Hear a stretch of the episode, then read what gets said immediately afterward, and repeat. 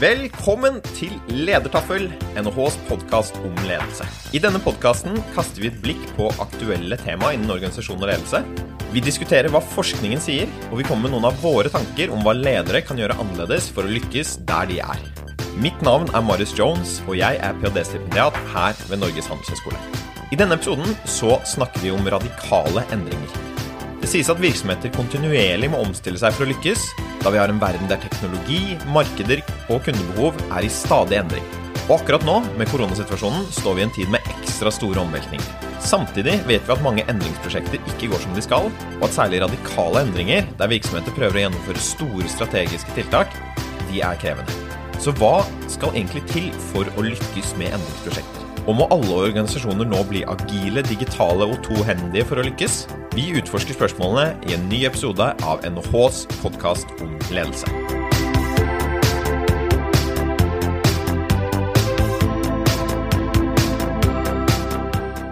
Og I denne episoden her så snakker vi om radikale endringer. Og da er vi så heldige å ha besøk av Inger Stensaker, som er professor i strategisk endring ved NHH, og NHH-alumni Marianne Vik Sætre, som nå er direktør for innovasjon og digitale kanaler i Fana Sparebank. Så velkommen til dere begge to. Takk. Har dere lyst til å si litt først om deres bakgrunn og hvordan dere har jobbet med dagens tema? Ja, jeg er jo siviløkonom og har en kan-merk i strategi og endringsledelse fra NHH. Og jeg var Inger sin student sånn tidlig på 2000-tallet og skrev oppgaver om endringsledelse. Og etter jeg var ferdig på NHH, så har jeg jobbet både som konsulent og prosjektleder, og etter hvert leder innenfor flere bransjer. Og med veldig stort fokus og engasjement på dette om endring. Og både i forhold til prosesser og optimalisering knyttet til det, men ikke minst til ledelseaspektet og kultur. Ja, Du nevnte at jeg er professor ved NHH i strategisk endring. og Det betyr jo at jeg underviser i endringsledelse og strategi veileder flinke studenter som Marianne. Det er alltid veldig kjekt å jobbe med både masterstudenter og doktorgradsstudenter. Og så forsker jeg på endring og endringsledelse. Og det har jeg gjort i snart 20 år. Eh, da jobber jeg ofte veldig tett med bedrifter og følger de gjennom store omstillinger. Så akkurat nå har vi et kjempespennende prosjekt eh, hvor vi ser på radikale endringer i etablerte bedrifter, og samarbeider med DNB og Deloitte og Telenor og Lærdal Medical i et uh, prosjekt som er i regi av Forskningsrådet. Veldig kult. Og så har vi, som er vanlig, med oss deg da, Therese prorektor og fast podkastmaker, så velkommen til deg også. Ja, takk. Og jeg er jo så heldig å være del av dette forskningsprosjektet som Inger snakket om, Race. Og syns jo det har vært utrolig spennende å få lov å følge disse bedriftene som prøver å gjøre disse radikale endringene.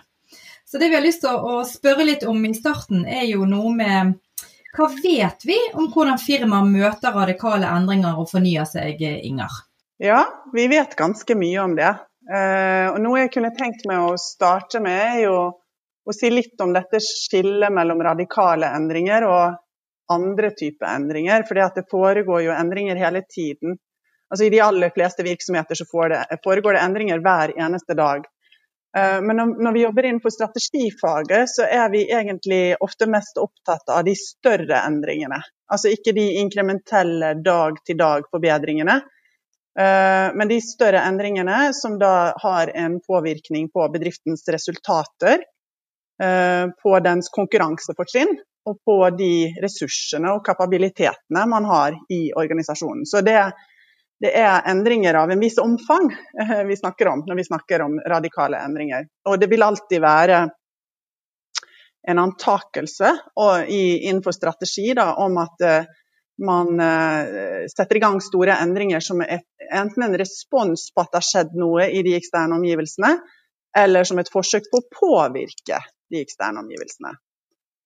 Eh, og, og hvis vi holder oss til de radikale endringene, så er det forsket veldig mye på det. Uh, ofte når vi hører bedriftsledere snakke, så sier de at jo, men det, altså, i dag så er det så stor usikkerhet rundt hva som skjer. Eh, og dette er av en skala som vi aldri har opplevd før. Eh, og, hvis du kikker på litteraturen og forskningen som er gjort på radikale endringer, så er det opplevelsen hver gang du står i radikale endring. At det er ekstremt usikkert. Vi vet så lite om det. Og selvfølgelig så er det ting som er helt spesielle for 2020, og som gjelder bare nå.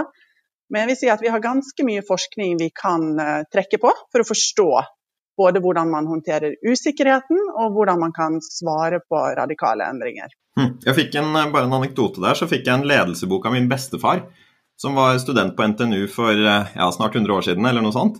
Og den het Ettminuttsjefen, som jeg syns var litt gøy. Og på en måte i introen til den så sto det om nettopp dette at nå lever vi i en tid hvor alt skal gå så fort, og alt er i endring hele tiden. Så nå må du klare å være en leder på ett minutt eh, og få alt gjort der. Og det var jo slående likt veldig mye av den moderne litteraturen som også på en måte introduserer ofte med det samme. da. Ikke sant? Vi føler alltid at det er aller, aller vanskeligst akkurat nå, i den tiden vi står i. Jeg tenkte, Vi kunne jo kanskje rette det også litt mot deg, da, Marianne. som er i, Du er jo i bank- og finansbransjen. og og det virker jo som er i en bransje hvor det, hvor det stormer litt nå, da. Her sier vi jo litt at, eh, at det at det stormer er kanskje normalen, men eh, vil du si litt om måte, relevansen av radikale endringer for dere i, i bankfinans? Det er jo helt riktig at bankene har jo vært i, i en stor endring over lang tid. Men jeg, jeg, tror jo at det gjelder det samme for oss også, at dette vil bare fortsette. Og, og kundene stiller krav. og, og vi eh, stiller også store krav til, eh, til, hva vi ønsker å være med på. Det vil si at det kommer nye aktører inn som hele tiden utfordrer eh, deler av verdikjeden. Og, og det er helt nødvendig for oss å henge med. Og, vi ser jo også i, i f.eks. sånn som eiendomsmeglerbransjen, som vi også er en del av. Eh, der skjer det også nå fortere og raskere endring enn det det har skjedd. Og det, det er et område som kanskje ikke har vært så digitalisert, der vi har valgt å gå inn og, og prøve å presse denne endringen litt mer frem. For vi ser at det er et behov eh, som kundene etterspør for mer, selv, mer selvbetjening og, og, større grad av automatisering for å holde prisene nede. Og, ja. Mm. Men Inger, så du snakker om radikale endringer har alltid egentlig vært der, og, og, man har snakket om det lenge. Men det at vi nå sier radikale teknologidrevne endringer, er det noe der som gjør at man opplever at det går fortere? At det er noe med, med det teknologidrevne som gjør at, uh, at vi formulerer det eller tenker om det litt annerledes? Vi har jo det med inn i Race og i, i prosjektet vårt. Ja, teknologi er jo én drivkraft for radikale endringer. Det finnes andre. Du kan ha reguleringer, konkurranseforhold, kundedrevne endringer. Eh, og jeg tror at alle i dag kjenner veldig på teknologi som en drivkraft.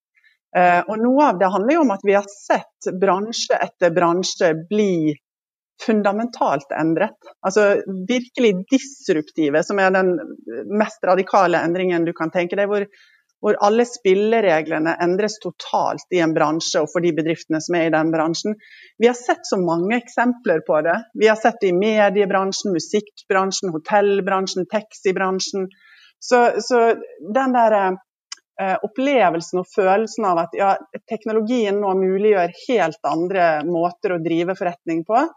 Og, og det vi snakker om ofte i endringsledelse, er jo denne kriseforståelse, eller, eller, på engelsk snakker vi om om det er en sense of urgency. For det er veldig vanskelig å gjøre planlagte endringer hvis du ikke har en forståelse av at det er behov for det. Og, og du kan si at i dag, da, så er den eh, om ikke det er kriseforståelse, så er det i hvert fall en sånn sense of urgency, vi må gjøre noe. Den er ekstremt til stede i, i nesten alle norske bedrifter. Og Vil du si litt da om, om hvordan firmaer møter radikale endringer på? For jeg, jeg, ser jo for meg, eller jeg har jo snakket litt om det før, og at, at det finnes jo en meny av måter å gå frem på når du skal drive radikal endring. Man har snakket om dette med tohendige løsninger er én måte. Du kan ha spin-offs, fusjoner og oppkjøp er én måte å gå frem på. Hva er det liksom som finnes der av valgmuligheter for, eh, for etablerte virksomheter som vil gjennomføre sånne endringer? Det er egentlig ganske mange, men det som vi har vært mest opptatt av, det er å starte med å kikke på Eh, noen ganske kjente måter å jobbe med organisasjonens grenser. Og da tenker vi at OK, eh, hvis du er en organisasjon som føler på behovet for å gjøre radikale endringer, så kan du gjøre det i samarbeid med andre. Altså at du åpner opp grensene og søker ut, enten ved å eh, samarbeide med små startups og gründere som kanskje er mye mer på det teknologiske og kjappere enn en stor, etablert virksomhet er. Um, uh, vi snakker ofte om åpen innovasjon. Åpne opp grensene, jobbe, dele kunnskap og erfaring med andre. Jobbe sammen med andre store etablerte. Uh, så det er ulike måter å søke eksternt da, for å få til å, å, svare på behovet for radikal endring. Men så er det også ganske mange kjente måter du kan gjøre det uten å måtte være god på å finne eksterne partnere. Eh, ved å jobbe internt. Og da er den tohendige løsningen som du nevner, Um, kanskje den mest kjente. Uh, for det handler jo om at du, dersom du er en etablert bedrift Du kan tenke f.eks. et avishus. Skipsted har jo brukt den løsningen igjen og igjen og igjen. Og akkurat avisene er et mye brukt eksempel. For når nettavisene kom, så, så strevde man med å få det til innenfor de etablerte avishusene. Og en, måte man håndterte det, var å etablere en egen enhet i virksomheten som skal jobbe med det nye. Så du har en egen liten avdeling som jobber med nettavis, og den avdelingen skal skjermes. Den skal få lov til å jobbe på helt andre måter. Eh, gjerne rekruttere folk med helt annen type kompetanse, mye mer teknologisk eh, kompetanse. Og så skal den få lov til å utvikle en helt annen kultur, som handler om å innovere. Mens det etablerte kan få lov til å produsere nyheter på på de måtene man alltid har gjort, og, og fortsette å forbedre det. Eh, men at dette nye ofte må skjermes, fordi at eh, det veldig mye forskning viser, er jo at hvis du prøver å innovere innenfor noe som har eh, funnets lenge, eksistert lenge og, og, gjort det veldig bra, så, så, vil det ikke få rom. Altså det vil ikke få de levekårene for å vokse frem og faktisk få til det nye. Eh, og Marianne, Dere etablerte jo Himla eiendomsmegling som et eksempel for, for, å fornye dere gjennom en sånn tohendig løsning. Kan ikke du fortelle litt om akkurat eh, den bakgrunnen for endringen, gjerne, og hvordan dere jobbet for å få frem denne løsningen, og hva resultatet var? Ja, men Det var jo noe som begynte for et par år siden, der vi så at kundene etterspurte mer selvbetjente løsninger på, på eiendomsmeglingssiden. Og også det at ønsket å, vi ønsket å utfordre konkurransebildet litt, for vi så at konkurrentene våre var veldig like oss både i pris- og tjenestetilbud. Det var ikke så mye som skilte de ulike eiendomsmeglerhusene. Eh, og, og, Da begynte vi med, rett og slett med et innsiktsarbeid både der vi spurte en del kunder, og der vi rett og slett brukte eiendomsmeglerne i, eh, i Fana Sparebank eiendom, eh, eiendom, Og de var de som på en måte var liksom gründerne for eh, Himla. Eh, så vi har valgt en litt sånn og det, ja, det er ikke en ren der vi har på en måte skilt det veldig tydelig, men det er jo en forretningsutviklingsavdeling som har jobbet sammen med, med eiendomsmeglerne i det tradisjonelle merket for å skape noe nytt. Eh, og Det tror jeg er liksom, kanskje også litt mer sånn en norsk modell også, fordi at vi har veldig høy kompetanse internt. Og det der å kunne ha flere hatter på, har i hvert fall vi sett at eh, har fungert godt hos oss og gitt veldig god fart. Og det har jo også noe med at Når du skal teste ut nye ting, så er det noe med å komme i gang og bare prøve å se om det er noe der. Og Hvis man skal tørre å gjøre det uten å bruke for mye kostnader, så er det noe med det der å skalere på eksisterende teknologi, og ikke minst å skalere på eksisterende kompetanse og det du har in-house. Det er lettere å komme i gang, og, og eh, det skaper også et veldig engasjement internt. Det er det vi har, har erfart. Så er det klart at I forbindelse med lansering og sånn, så opplever vi litt sånn eh, smågnisning. For det er klart at dette ble jo en stor konkurrent. Her kommer det ut en helautomatisert eiendomsmeglingstjenester. Det ble masse støy i media fra andre meglerhus. Vi kom ut med en fast pris på 35 000, noe som er langt under det som er gjennomsnittlig pris i dag. Så det er klart at Litt støy ble det på linjen, men det der at vi hadde, hadde hatt folk med fra starten og skapt en forståelse i organisasjonen for at det er plass vi har en genuin interesse av å kjøre begge merkene med like stort fokus, og vi tror det er plass i markedet til, til begge merkevarene. Og Det har vist seg å, være riktig. Så Vi har eh, nå en mye høyere markedsandel enn vi hadde før vi fikk Himla. Eh, og, eh, og, kostnadene er ikke betydelig eh, høyere heller. Sånn at eh, det er fullt mulig å gjøre også internt. Men vi har latt oss veldig inspirere av den tohendige modellen og brukt mange av prinsippene. Men vi har turt å tillate oss å gjøre det inhouse med mye av de samme menneskene. Ja, ja for du nevnte noe med disse spenningene som kan oppstå. og eh, Noe av det vi vet med den tohendige løsningen, det er jo at eh, ofte når du gjør det, eh, når du innoverer på den måten, så åpner du for kannibalisering. Dvs. Si at eh, den, eh, jo mer eh, suksess du har med det nye, jo mer på en måte spiser du markedsandeler av det etablerte. Eh, og det var, en, det var, vel en, risiko for det her òg, Marianne? Jeg tror i hvert fall Det viktigste som vi gjorde innledningsvis, var denne involveringen i selve prosessen for å kartlegge markedet. Se på posisjon, se på segmentering, hvordan markedet skilte seg, og vise veldig tydelig hvordan også den tradisjonelle eiendomsmeglingen, hvilke tiltak vi skulle iverksette der, for å gjøre deres posisjon tydeligere. Så De skulle ha en sånn ATO-posisjon der de skulle være til stede for eh, kunden gjennom hele løpet, og styrke liksom deres del av prosessen også. Sånn at man ikke faller for fristelsen som, som ledelse og, og, bare fokusere på det nye og det, det, som på en måte ofte blir spennende og får mye oppmerksomhet, men også gi oppmerksomhet til det eksisterende, som faktisk er det som driver inntekts- og topplinjen eh, hele, hele, veien. Så det der å på en måte klare den balansen som, som leder å fokusere på, sikkert noe vi kunne vært bedre til eh, enn det vi klarte å være også, men, men definitivt et viktig fokus å ha med seg når man skal gjøre det. Eh, at man ikke faller for fristelsen og tenker at det eksisterende bare skal være sånn, men det også skal være en kontinuerlig utvikling Eh, gitt at man eh, følger den tanken om at det skal være plass til begge, begge merkevarene i markedet. Og Det var vi helt overbevist om at det var plass til. Et, et sånt annet spørsmål på den spenningen. for Vi snakker jo det om at det både kan være en litt sånn interessekonflikt mellom det nye og det gamle, men at det også kanskje krever som du sier da, litt forskjellige kulturer og litt forskjellig ledelse og litt forskjellig mye rart da, egentlig for å, for å kunne lykkes med, med, det som er det gamle og tradisjonelle, og det som skal være det nye. Var det noen bevisste valg dere gjorde der, Marianne, med tanke på hvordan skulle man lede, eller hvordan skulle vi ha det sammen i, i det som skulle bli på en måte den nye forretningsmodellen? Altså, vi, eh, vi, rekrutterte inn nye eiendomsmeglere til Himla, eh, og flyttet noen som ønsket å flytte over til, til Himla fra Fana Sparebank. Men vi, vi, gjorde ingen sånne forflytninger der vi bare sa at dere skal hit eller dere skal dit. For det tror jeg er viktig at du må på en måte, det der er grunnleggende å kjenne at du brenner for merkevaren og du har tro på konseptet og at du føler eierskap til det, er liksom noe grunnleggende som er utrolig viktig å ta vare på. Så det var i hvert fall en, en, eh, et fokus vi hadde. Eh, og så er det klart at eh, Meglerne som jobber på Himla, jobber i, i, andre typer prosesser. Det er mye mer drevet av at de jobber, jobber sammen som, som, et team i deler av prosessen. Ut mot kunder i veldig, Da får kunden én eiendomsmegler, men det som skjer på baksiden er veldig teamorientert. For å spare tid og, og gjøre det effektivt, og sånn at vi kan tilby en, en veldig rimelig tjeneste ut mot kunden.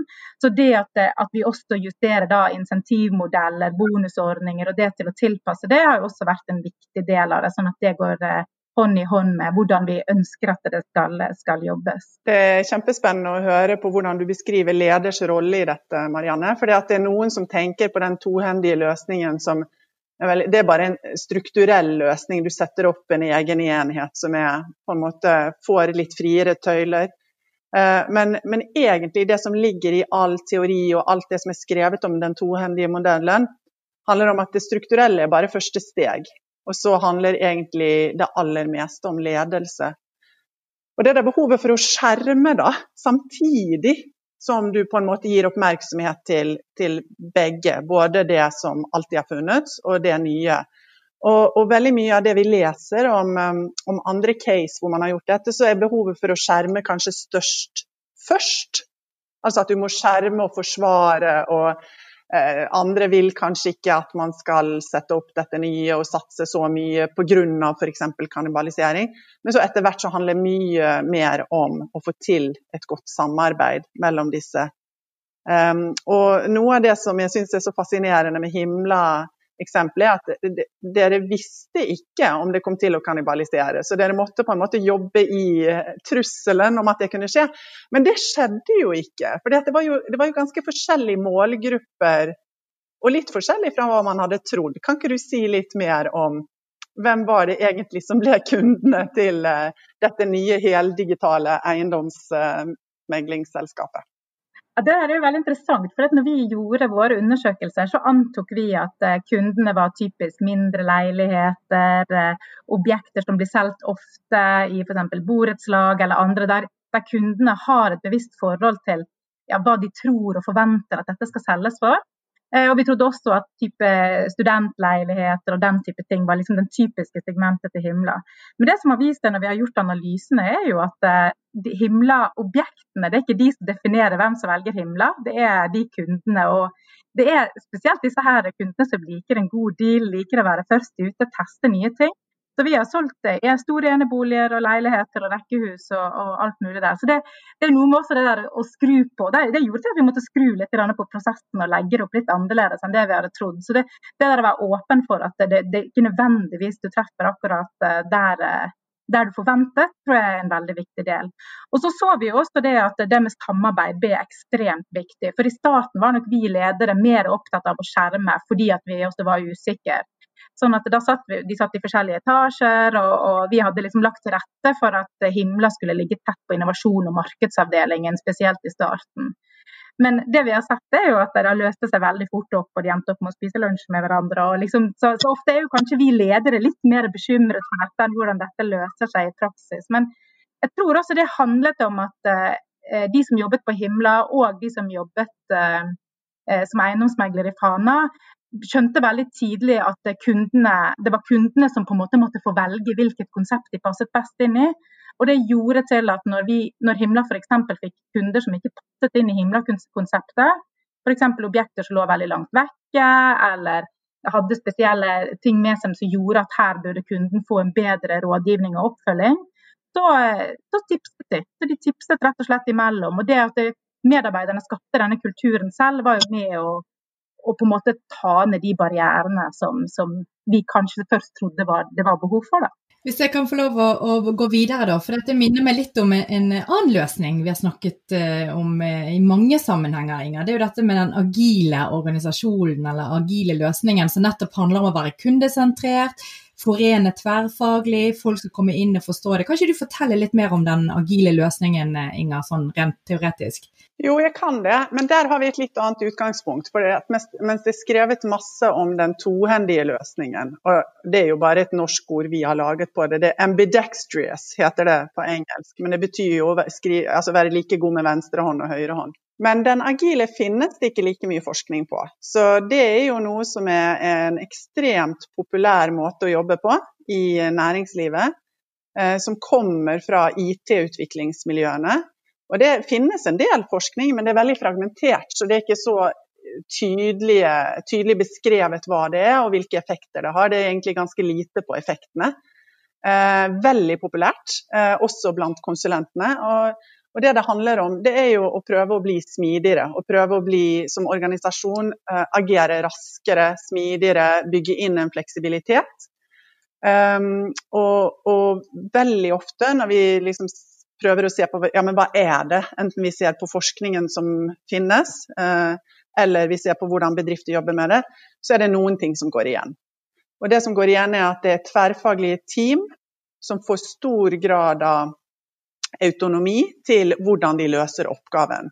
Veldig ofte har de en ganske tydelig definert oppgave. Det er dette dere skal gjøre, men det er de selv som bestemmer hvordan de skal jobbe og hvordan de skal løse oppgaven. Eh, så jobber de ofte, de bruker en del eh, metodikk, som å jobbe i sprinter. Eh, det startet med to uker, men Marianne vil sikkert fortelle at de har litt annen lengde på sine sprinter. Og, og, bruker ulike teknikker, mye visualisering, tegne opp bilder av hva de gjør og hvor langt de har kommet i prosessen. Mange henter inspirasjon fra Lean og bruker Kanban og forskjellige eh, metoder og, og, hyppige møter hvor de forteller både teammedlemmene, andre team og andre i virksomheten eh, hvor langt de er kommet og hva de strever med nå. Så veldig sånn transparens og, og bruker mye tid på å informere om hva de gjør. Og som du nevnte, Therese, veldig kundeorientert. Ut mot kunden, hva er det kunden ønsker? Um, raskt komme med prototyper eller det vi kaller sånn minimum viable product, hvor du tester ut funker det, og så tilbake og forbedre og videreutvikle. Så det er veldig interessant. For de som jobber agilt og som har testet det, blir ofte veldig entusiastiske rundt det og syns at det er utrolig motiverende. Eh, både ledere og de som sitter og jobber i sånne agile team, er, de er fascinerende positive. Altså. De er ekstremt sånn engasjert. Jeg tenkte vi må høre med deg, Marianne, for jeg vet at dere har gjort noe av dette. Men før jeg gir deg ordet, så hadde jeg bare lyst til å si det at siden vi er så heldige å ha dette forskningsprosjektet eller programmet RACE, Inger, så har vi fått også muligheten til å sende masterstudenter ut i ulike organisasjoner til å se litt på disse agile teamene. Jeg jobber jo mer fra teamsiden, du fra organisasjonssiden, Inger. Og det som vi merker oss, er at i organisasjoner som er ganske nye til å jobbe agilt, så kommer de med disse prinsippene til disse teamene sine, nettopp som du har nå eh, orientert om, Inger. Og så får disse eh, fagpersonene veldig forventninger om nettopp denne autonomien, at nå skal vi få lov å, å drive ting selv veldig, men så blir de faktisk skuffet. Og, og, det vi har merket da, er at forventningen brytes med at eh, vi skal få lov å bestemme mer selv, sette mål, og så blir de heller eh, diktert veldig på oppgavene. Så det er veldig fascinerende fra vår side å se nå, ikke dette representativt, det er noen få utvalgte bedrifter, men det er faktisk fire forskjellige typer bransjer. Og dette ser vi er en liten sånn, jeg kaller det forventningsbrudd, som hvis man har hørt på podkastene tidligere, snakker vi om den psykologiske kontrakten. Nettopp at det bygges opp en forventning om at nå skjer det noe nytt i organisasjonen, jeg er en kompetent person som nå skal få lov å bestemme mer selv og jobbe mer eh, individuelt. Og så blir det et brudd der på at det blir mer detaljstyring. Så det syns jeg er spennende. Jeg sier ikke at dere har gjort det, Marianne, men jeg kunne bare lyst til å skyte det inn at, at ja, det er mange, mye begeistring, men vi ser også når det skal innføres praksis, at det, det, kan brytes på noen forventninger. Så jeg hadde bare lyst til å høre, Marianne, om dine erfaringer knyttet til det med agil eh, arbeidsform. Ja, jeg kan si litt sånn hvordan, først hvordan vi har organisert arbeidet hos oss. Vi Eh, hadde en strategi som var en sånn, mer sånn klassisk strategi vil jeg si, over tre til fem år. Forankret i styret. og i hvert fall Min erfaring da jeg begynte i banken for fem år siden, var at det var veldig lite kjennskap i organisasjonen til den strategien. Så det vi gjorde var at vi involverte alle de ansatte i eh, strategiske obligatoriske workshoper, der vi satte sammen tverrfaglige grupper og gjennomførte rett og slett en, en, workshop innenfor fem strategiske målområder, der de ansatte var med å spille inn eh, hva de var opptatt for innen disse kategoriene. Og kategoriene var kroner, det var kunder, det var de digitale, det var medarbeiderfokuset og det var samfunnet. Eh, og Vi fikk opp over 700 tiltak, og de tiltakene jobber vi med enda. Ledergruppen gjør hvert halvår sammen med styret en prioritering på hvilke av disse strategiske prosjektene som skal inn i den halvårlige sprinten hos oss. Så vi har valgt å gjøre disse sprintene halvårlige. Og så er det klart at IT-utviklerne jobber i sprinter på én til to uker, og den mer sånn tradisjonelle eh, sprinttermologien, da kan du si. Men organisasjonen jobber i halvårlige fokus. Jeg tror det er utrolig viktig det der å gjøre strategien operasjonell og forståelig og enkelt. Jeg tror det å motivere folk gjennom komplekse modeller og store dokumenter er ekstremt viktig. Og det er ekstremt vanskelig å få til, og det er ekstremt viktig å gjøre det konkret og kortsiktig, sånn at du kan få det engasjementet og forpliktelsen fra medarbeiderne. Så Det var den første tingen vi gjorde. Eh, og Så organiserte vi det som autonome team, som settes ned da hver sprint på hvem som skal være inn i de forskjellige prosjektene som da er prioritert. Eh, og Det skaper et veldig, sånn, eh, et veldig tydelig fokus fra ledelsen og, og styret Eh, til organisasjonen på hva som er forventningen. Og Det at man får arbeidsro rundt de prosjektene som er prioritert, det tror jeg er ekstremt viktig. For jeg ser at f.eks. IT-utviklerne, markedsavdelingen, er veldig knappe ressurser som ofte blir dratt mellom prosjekt til prosjekt, og de får ikke arbeidsro. Så jeg tror noe med De sprintene gjør at de får arbeidsro, det er en viktig del av, av det å faktisk eh, oppfylle den eh, kontrakten når man setter ned disse teamene, at de faktisk får tiden til å jobbe med det. Og så bruker vi starten av sprinten til å sette mandater, eh, økonomiske rammer, eh, leveransetiltakene som skal gjøres og målene som skal oppnås. Eh, og Den også er en sånn viktig del for å skape dette handlingsrommet og manesjen som prosjektene skal jobbe, jobbe under.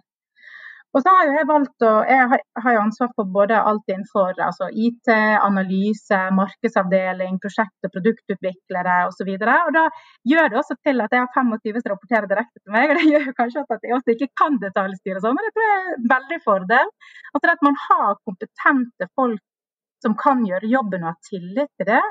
Eh, og gir det handlingsrom og ikke blander seg så mye. Det tror jeg er en eh, viktig lederoppgave. Heller være en som er tilrettelegger og skaper denne manesjen. Og jeg, bare, jeg, jeg, må si at jeg er fremdeles veldig, veldig imponert over hva vi får til i den lille banken med tre-fire utviklere. Nå om et par uker så lanserer vi eh, ny, eh, ny, tjeneste innenfor Himla-verden, som blir Himla banktjeneste. Der vi gjør akkurat det samme som vi har gjort på Himla eiendomsmegling. Det at vi nettopp skalerer på eksisterende teknologi, skalerer på den kompetansen vi har. Vi leier ikke inn masse konsulenter, vi gjør det selv. Det skaper et enormt engasjement. Eh, og ikke bare ser vi det på reduserte kostnader og flere kunder og økte inntekter, men kanskje det vi er aller, aller mest stolt av, er at banken har hatt et kraftig fall i sykefraværet de siste årene. Får bare lyst til å skyte inn der for, for de som har fulgt podkasten siden eh, første episode, så snakket vi nettopp om den lederløse organisasjonen i første episode. Vi prøvde å peke på at det var kanskje en utopi, men i hvert fall det å, å legge frem ledere i dag som ansvarlige tilretteleggere, det er den det, moderne formen for ledelse. Og Det er jo et veldig artig eksempel du kommer med her nå, nettopp som viser det at når du har 25 stykker, det er umulig å ettergå de sømmene. Man må gi ut tillit. Og så tar de det, og er de kompetente, så liker de det mest sannsynlig. Og Det får du et eksempel på her.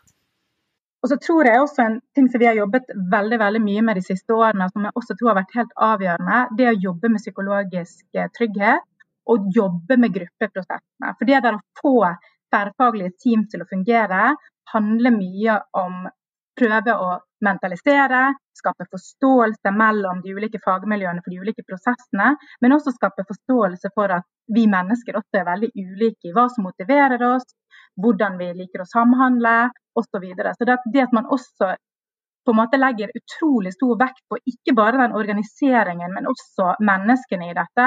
tror jeg er helt avgjørende for å, for å få til både agile team og tverrfaglighet. Nei, det er, det, det er en ting som jeg hører når du snakker, Marianne, og det er eh, også i denne modellen hvor viktig leders rolle er. Og når vi snakker om veldig autonome team, og de er selvgående, og eh, ledelsen må gi slipp, ledelsen kan ikke tenke man har kontroll. Men når du beskriver måten du jobber på, så altså dette med å bygge den psykologiske tryggheten i teamene. Du har tidligere også fortalt hvordan du setter av tid hver dag til å bare være der. Eh, så kan ikke du si litt mer om hva er leders, eh, hva er leders rolle, hvis du har, eh, jobber mye med agile team?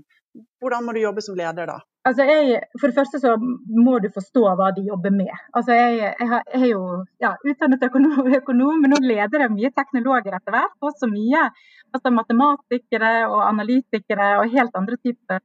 Det der å være nysgjerrig, tror jeg, og gå, også tørre å gå litt sånn tett på for å prøve å forstå.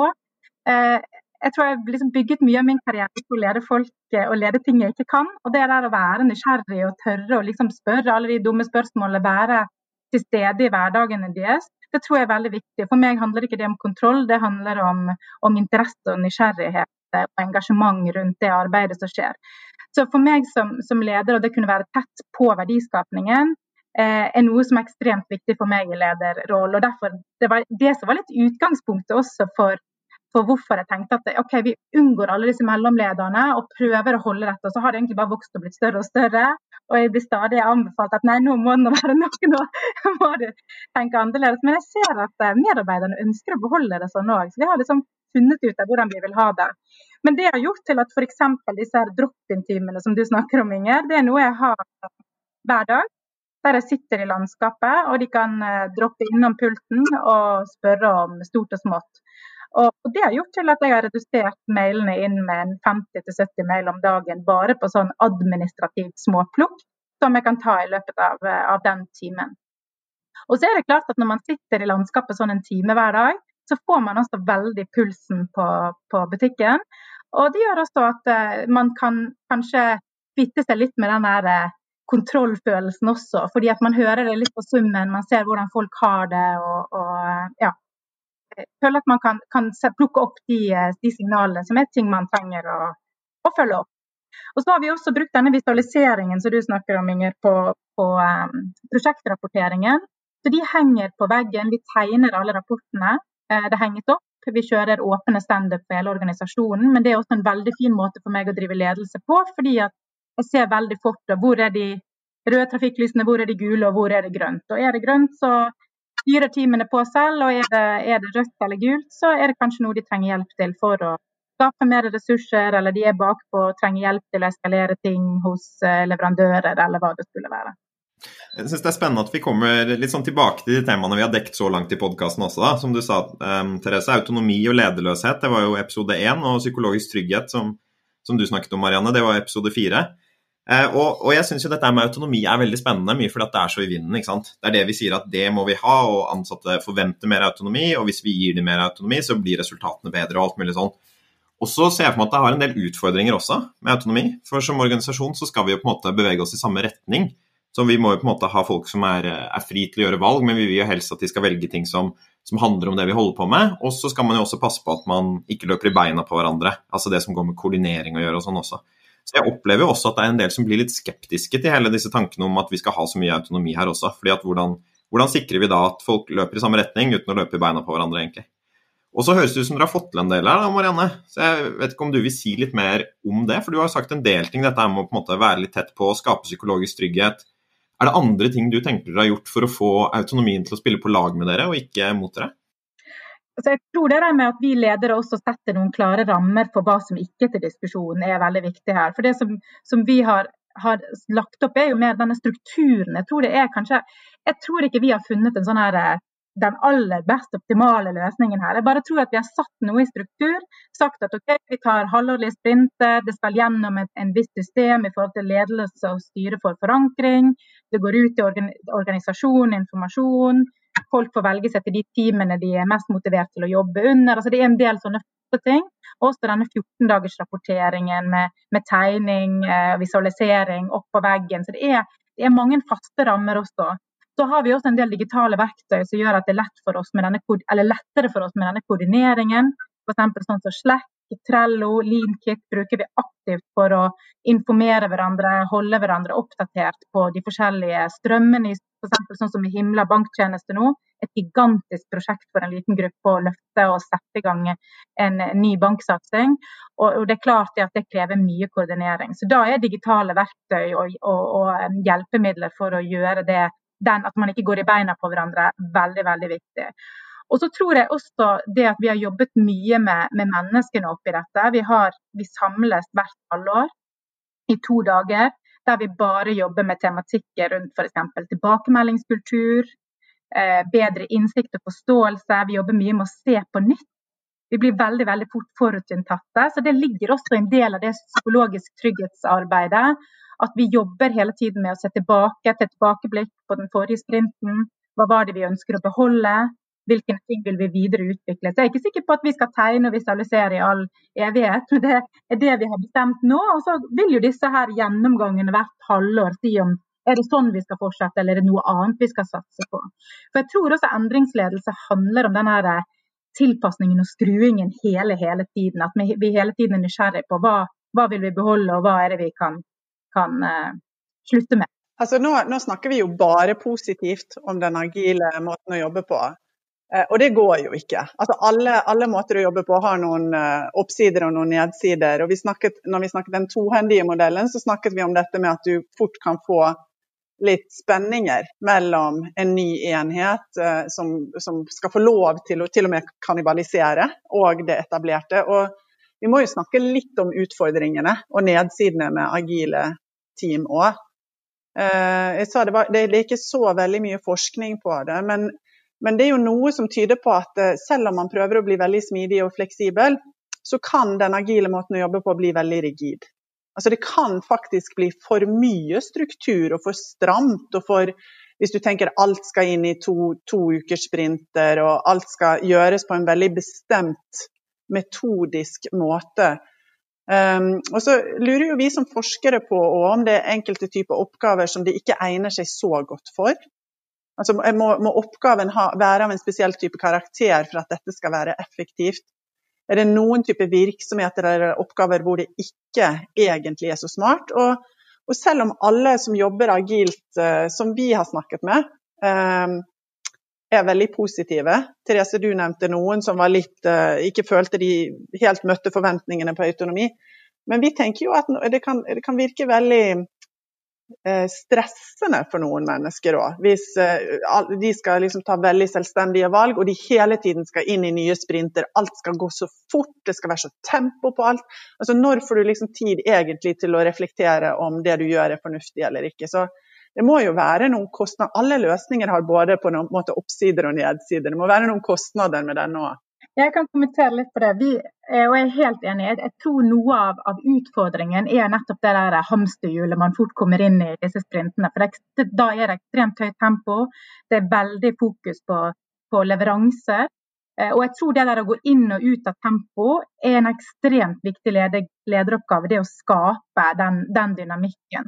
Så, så, det vi har gjort, er at vi har eh, to, måneder, to til tre måneder grace imellom disse sprintene. Sånn at vi avslutter eh, alle prosjekter rundt sånn tidlig juni, og så har vi en grace-periode til ca. 1.9. Og så går vi i gang igjen, og så har vi en litt lengre pause. Og det der å da kunne fokusere på kompetanseheving, eh, lese seg opp. Utviklerne har, eh, de har faktisk litt kontinuerlig sånne utviklingsdager for å komme ut av huset og løfte blikket. Altså det at du både skaper en litt sånne lengre periode der fokuset er et annet, men også at du skaper disse små lommene i hverdagen, som om det enten er en halvdags workshop der vi jobber med tilbakemeldingskultur, eller det er utviklerne som får ta en tur ut av bygget, eller markedsavdelingen for å rett og slett titte på hva andre gjør, se hva andre bransjer gjør. Bare ha et, et, en tid ut av, av landskapet og, og den, en måte, det tempoet som settes der. Så jeg tror det der å skape arenaene, men også være og, og både, ja, både, arenaene, men også sette av tiden til å, å, gjøre det, blir ekstremt viktig. Hva, hva, kalte du de periodene i mellomtiden? Var det Grace-perioder? Ja, jeg kalte det Jeg tror ikke det er noe forskning på det. Men jeg, jeg tror det er utrolig viktig. For det er noe med jeg tror vi med alle mennesker trives når det er noe på en måte endring i ting. Sant? Hvis ting blir veldig veldig repetitivt over lang tid og du ikke ser noe ende på det, så, så tror jeg det der må skape. Det trenger ikke å være de store justeringene. Og Da bruker vi også tiden til å ha disse samlingene og også gjøre disse egenevalueringene. Både av oss som gruppe og eh, av egeninnsatsen. Jeg syns det er artig det du sier Marianne, om at folk liker nå litt endringer. og Jeg har lyst til å ta det over til deg igjen, Inger. at Vi møter jo ofte det folk sier. Nei, folk er jo mot endringer. Altså, sant? ikke du vant til å høre det, Inger? Og hva pleier du å svare da? Nei, vi er ikke født med motstand. Altså Bare tenk på det vi opplever i dag, alle sammen, i hele verden med korona og covid-19. Eh, eh, altså, hvor lang tid tok det å omstille oss egentlig? Eh, jeg ser hvor tilpasningsdyktige folk er. Og selv om det er en reell krise, altså det er en pandemi og vi må, vi har ikke noe valg, så er det jo også sånn i, i planlagte store endringer, så er det ikke sånn at alle automatisk eh, reagerer med motstand. Men hvorfor har vi den oppfatningen? Men det er jo, du er enig med meg at vi, blir, vi, som forskere blir stilt det ganske ofte. Kan ikke du komme og snakke litt til oss, for vi har hørt motstand mot endring, og vi må få liksom litt sånn motivasjon opp. Så, så hvor kommer det fra, tror du? Ja, men jeg tror at det er mange som har erfaring. Hvis du sitter som f.eks. leder og skal gjennomføre store endringer, så er det mange som opplever motstand på kroppen. Og jeg, jeg, sier jo ikke at ikke motstand finnes, jeg bare sier at det ikke er noe automatikk i det. Jeg tror at Som mennesker så har vi et enormt behov for å skjønne hvorfor. Hvorfor skal vi gjøre disse endringene? Er det noe rasjonale, er det noe logikk i det? Og, og, og hva er det egentlig eh, vi skal gjøre? Og hvis du som leder trekker med deg folk og er god til å forklare hvorfor, og gjerne jobbe sammen om hvordan vi skal gjøre det, så har du et helt annet utgangspunkt. Så jeg mener, Det er ikke en automatikk i motstand, det handler veldig mye om, om hvordan endringer blir gjort. Det var en sånn eh, setning som jeg hørte om endringsledelse, som jeg har hørt egentlig i eh, noen forskjellige varianter, da, men eh, hvor folk har prøvd å oppsummere hva god endringsledelse er, på følgende måte. Hvor de har sagt at ledere de må overbevise sine medarbeidere om at endringen er til deres beste om de skal lykkes med gjennomføring. Opplever du at det er noe som på en, måte, på en fair måte beskriver hva god endringsledelse er? For jeg tenker I det utsagnet ligger det noen antakelser eh, som jeg ikke er helt enig i. Eh, og Den første antakelsen det er at ledelsen har svaret. Så det handler bare om å overbevise andre, og så går det greit. Og de, aller færreste store endringer sitter ledelsen på svaret. Eh, man må jobbe sammen med de ansatte for å finne ut hvordan, hvordan man skal komme seg dit man ønsker. Eh, og så er det en annen antakelse som ligger i det, og det er at vi er bare opptatt av egen interesse. Sånn at så lenge ledelsen Vi snakker ofte om 'what's in it for me'. Så lenge ledelsen klarer å fortelle meg, hva jeg får ut av dette, så er jeg med. Og Den antakelsen kjøper jeg heller ikke. Det er så mye som peker på at vi er opptatt av mye mer enn vår egen interesse. Jeg tror det kan hjelpe om ledelsen kan vise at jo, men dette er faktisk eh, til ditt beste. Men jeg er ikke med på at det er det eneste som driver oss. Og igjen, bare kikk på den krisen vi nå har opplevd de, nærmest de siste to månedene. Hvor utrolig sjenerøse folk er i eh, ting som, som absolutt ikke er i deres egen interesse, men hvordan man ønsker å hjelpe og utsette seg selv for risiko fordi at man ser at nå må alle bare prøve å gjøre det beste ut av situasjonen. Det er jo kanskje dristig som, eh, å prøve å oppsummere all endringsledelse i én setning. Så, så, jeg kjøper den der, altså, men jeg, jeg, tror det er noe som er ganske klokt i den. Og det er jo at hvis folk opplever at dette er en endring som, som ikke kommer til å komme meg til gode, da, som er en trussel og som gjør at hverdagen min kommer til å være bedre på den andre siden, så ser jeg jo for meg at det er ganske vanskelig å få det med på endringen også. Er det ikke noe som egentlig ligger der, at hvis måte, folk har en opplevelse av at hvis jeg er med på dette her, så, så kommer det til å på måte, dryppe positivt tilbake på meg på andre enden der, så, så, kommer man til å være mer positiv til det som skjer? Selv om det ikke er på en måte den hele forklaringen? Det gjør det mye enklere hvis, uh, hvis du kan fortelle meg 'what's in it for me'. Uh, men, men, du har jo bl.a. Uh, organisatorisk rettferdighetsteori, som er noe av det utviklet på studier hvor folk blir sagt opp Altså det er nedbemanninger. Det, det, kan ikke være i min interesse at jeg mister jobben på NHH. Men, men, det kan jeg godta hvis det blir gjort på en rettferdig måte, hvor jeg forstår kriteriene, jeg forstår prosessen og opplever at det ikke er noen skjult agenda. Eh, sånn at eh, jeg mener at eh, det er fullt mulig å gjøre endringer som ikke er til enhver persons egen interesse. Mm så lenge man oppfører, opplever at det er på en måte rettferdig og at dette er liksom redelig gjort, da, så er det kanskje greit allikevel. Hva tenker du om den, Marianne, sånn i forhold til hvordan dere har holdt på med endring? Ja, jeg tror det er mye, mye riktig det som Inger sier. i forhold til at Her er det mange perspektiver som spiller, spiller, spiller inn. Så jeg tror liksom den setningen blir, blir, for enkel på mange måter, tenker jeg. I hvert fall Vår erfaring har vært at for Fondet Sparebank er jo en organisasjon der mange har vært veldig veldig lenge ansatt. Kanskje de har hatt hele sin karriere der. Eh, og, og, det er noe med at man har på en måte Fana Sparebank på brystet mange. De, utrolig, de, har et utrolig eierskap til bedriften. Så både det der at det skal være rettferdig, men at, at fellesskapet og, og, kundene at det er det som står i, står i fokus. Men, men, jeg tror veldig på dette med å eh, å snu på det. da, At innovasjon er noe som kommer fra alle. Og at kanskje er det veldig sjelden vi lederne sitter med, med fasiten. Det er kanskje der som verdiskapningen skjer, og der prosessene faktisk blir gjennomført. Det er der veldig mange av svarene ligger.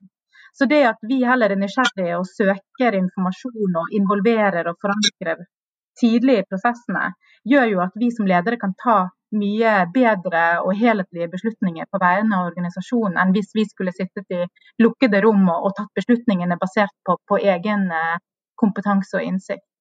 Så, så, jeg tror på dette med å, å ja, involvere folk tidlig. For det er også med på å forankre og også skape forståelsen, men også gi folk tid.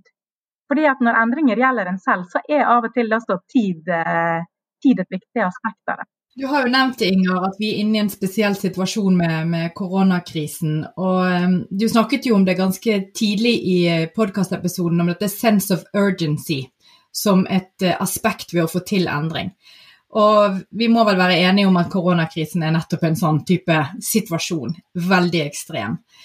Er det noen råd eller tips dere tenker på? Altså, noen blir jo veldig negativt rammet, noen blir til og med positivt rammet. Bør man ta med seg noe fra det vi har snakket om nå, til å gjøre noe spesielt i disse tider? Hva tenker dere? Jeg vet at dere ikke har forsket på dette nå, for det, vi står midt oppi det. Men har dere noen tanker knyttet til akkurat det vi står i nå, opp mot endringsledelse og det vi har snakket om? Ja, altså, veldig ofte når man gjør radikale endringer, så kreves det en eller annen form for jeg liker ikke å bruke ordet disrupsjon, men et eller annet som, som bryter med det vanlige. Eh, så koronakrisen kan jo være det for bedrifter. Enten det treffer de veldig negativt eller positivt, så kan det være et sånn brudd med det vi alltid har gjort, som tvinger oss over i noe annet. Det kan skape helt andre typer muligheter. Det kan gjøre at bedriftsledere ser ting med et helt uh, nytt perspektiv. Uh, så, så, det er absolutt en, en, situasjon som skaper en sånn sense of urgency, og som vi må forvente får store implikasjoner og vil, vil, på en måte gi oss helt nye typer strategier i mange bedrifter. Fordi Det er jo mange virksomheter som nå som nå kanskje ser den gamle måten å gjøre på å svinne hen, og at den fungerer ikke lenger. Og så er det et spørsmål kan vi fortsette sånn, kanskje hvis det går tilbake til normalen, men kanskje ikke også, da. Tenker du at dette er en tid for å på en måte være ekstra interessert i å finne ut hvordan man skal endre seg på? Jeg ser jo for meg at det kan bli en sånn, egentlig litt sånn mulighetsrom også. da. Absolutt. Og jeg tror det er veldig avhengig av hva som eh, skjer fremover. Og det, det, vet vi jo ikke. Vi vet ikke hvor lang mm. tid dette tar. Og i noen bedrifter og bransjer så, så vil man kanskje veldig raskt på en måte komme tilbake hvis du har hatt en restaurant og den blir nødt for å stenge, du åpner igjen, folk flokker ut for vi syns at det er så gøy å kunne gå ut igjen etter å ha sittet innesperret, holdt jeg på å si, så, så, så, vil du kanskje bare raskt være tilbake der du var. Og det er kanskje ikke behov for å gjøre de helt store endringene. Men i andre bransjer og i andre bedrifter så vil du aldri komme tilbake til utgangspunktet. Det vil være en helt annen situasjon. Så, og, og kanskje man har lært noe, tar med seg noe som gjør at man ser ting annerledes. Vi, snakket jo om det før vi begynte, Therese, at eh, det er 7. mai i dag. og, og det kommer jo snart en pressekonferanse fra regjeringen som sier noe om, eh, om, endringer også i på en måte hvilke føringer som gjelder og sånn. Så, så, det kan jo godt hende at alle disse rådene er på en måte utdaterte før denne podkasten er ute også, da, fordi at det, eh, situasjonen endrer seg så fort. Jeg tenker Vi kan jo kanskje begynne å nærme oss en avslutning. og Korona eller ei, så er det jo sikkert mange ledere der ute som sitter og tenker litt på om man skal komme i gang med en radikal endring eller en mindre endring, eller hva det, nå skulle være, og som tenker hvordan skal vi da gå fram og gjøre det. Og jeg tror vi har sagt ganske mye egentlig da, om både ulike metoder for å gå fram med endringer, og, og hva, skal, hva, man må gjøre underveis da, for, å, for, å, lykkes også med det. Har dere noe sånn siste råd på veien, eller hvis vi sier én hver til, til, dere tre, for uh, hva man bør gjøre for å lykkes med endringsinitiativene sine? Det er, tre, det er, ikke tre, generelle råd, men de er knyttet opp til det vi har snakket om i dag. Da. Uh, for Vi snakket om den tohendige måten, og møte behov for radikale endringer. Og vi snakket om den agile. Og jeg tror det er veldig viktig å tenke at her har du en hel verktøykasse med ulike måter, og du må tenke hva er fornuftig når. Når eh, funker den agile måten, og når funker den tohendige måten, og kan vi noen ganger kombinere. Og Da vil mitt eh, ene råd være at den agile måten vil eh, som regel gi deg en smidighet, en fleksibilitet og et tempo, men kanskje ikke de, store, de største og mest radikale endringene. Så det er mer sånn innovasjon i, eh, innenfor det etablerte. Så mitt andre råd vil være å tenke på kombinasjoner. For det å kombinere den tohendige modellen med en agil måte å jobbe, det har vi sett fungere. Jeg tror Himla er et godt eksempel på det, hvis jeg ikke tar feil. Jeg vet at VIPS er det. Eh, så her kan man tenke kombinasjoner. Ehm, og så mitt tredje eh, råd er at enten du velger den andre eller den eh, første måten, så, så, skjer det noe i organisasjonen. Og jeg har ved flere anledninger snakket med Marianne om hva skjer i resten av virksomheten når dere begynner å jobbe med himla som en slags tohendig løsning? Hva skjer når dere begynner med disse agile teamene? Så sier hun jeg er ikke i tvil om at vi har utviklet endringskapasitet. Så det skjer noe med hele virksomheten. Så det å starte med noe, og så la det smitte over, det vil være mitt tredje råd.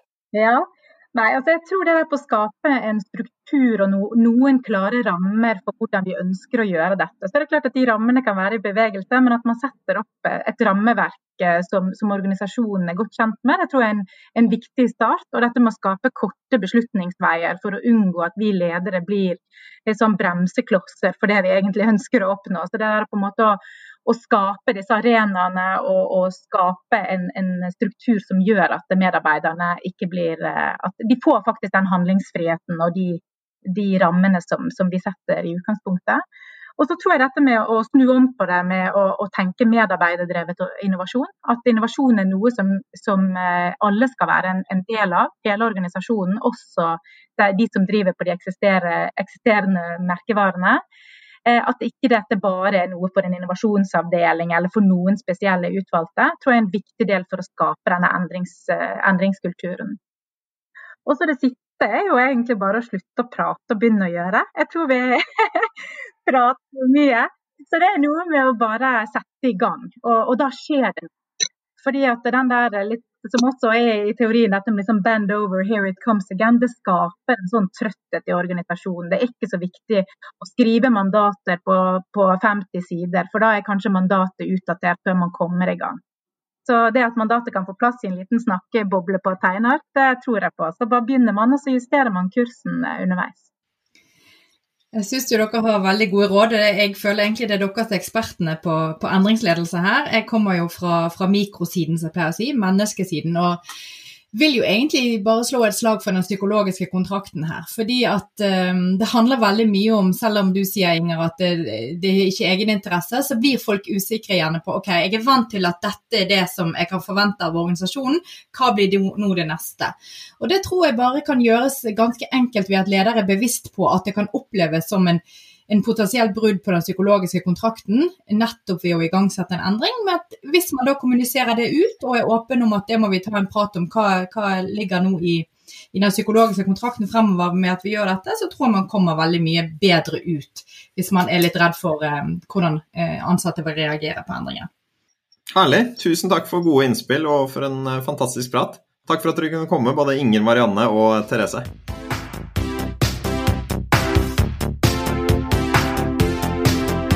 Nå hørt en ny episode av Ledertaffel, NHHs podkast om ledelse. I studio i dag var jeg, Marius Jones, sammen med Therese Sverdrup, Inger Stensaker og Marianne Vik Sætre. Om du vil vite mer om hva vi holder på med på Norges handelshøyskole, så finner du oss på nhh.no og ved å søke på NHH på Facebook. Vi høres!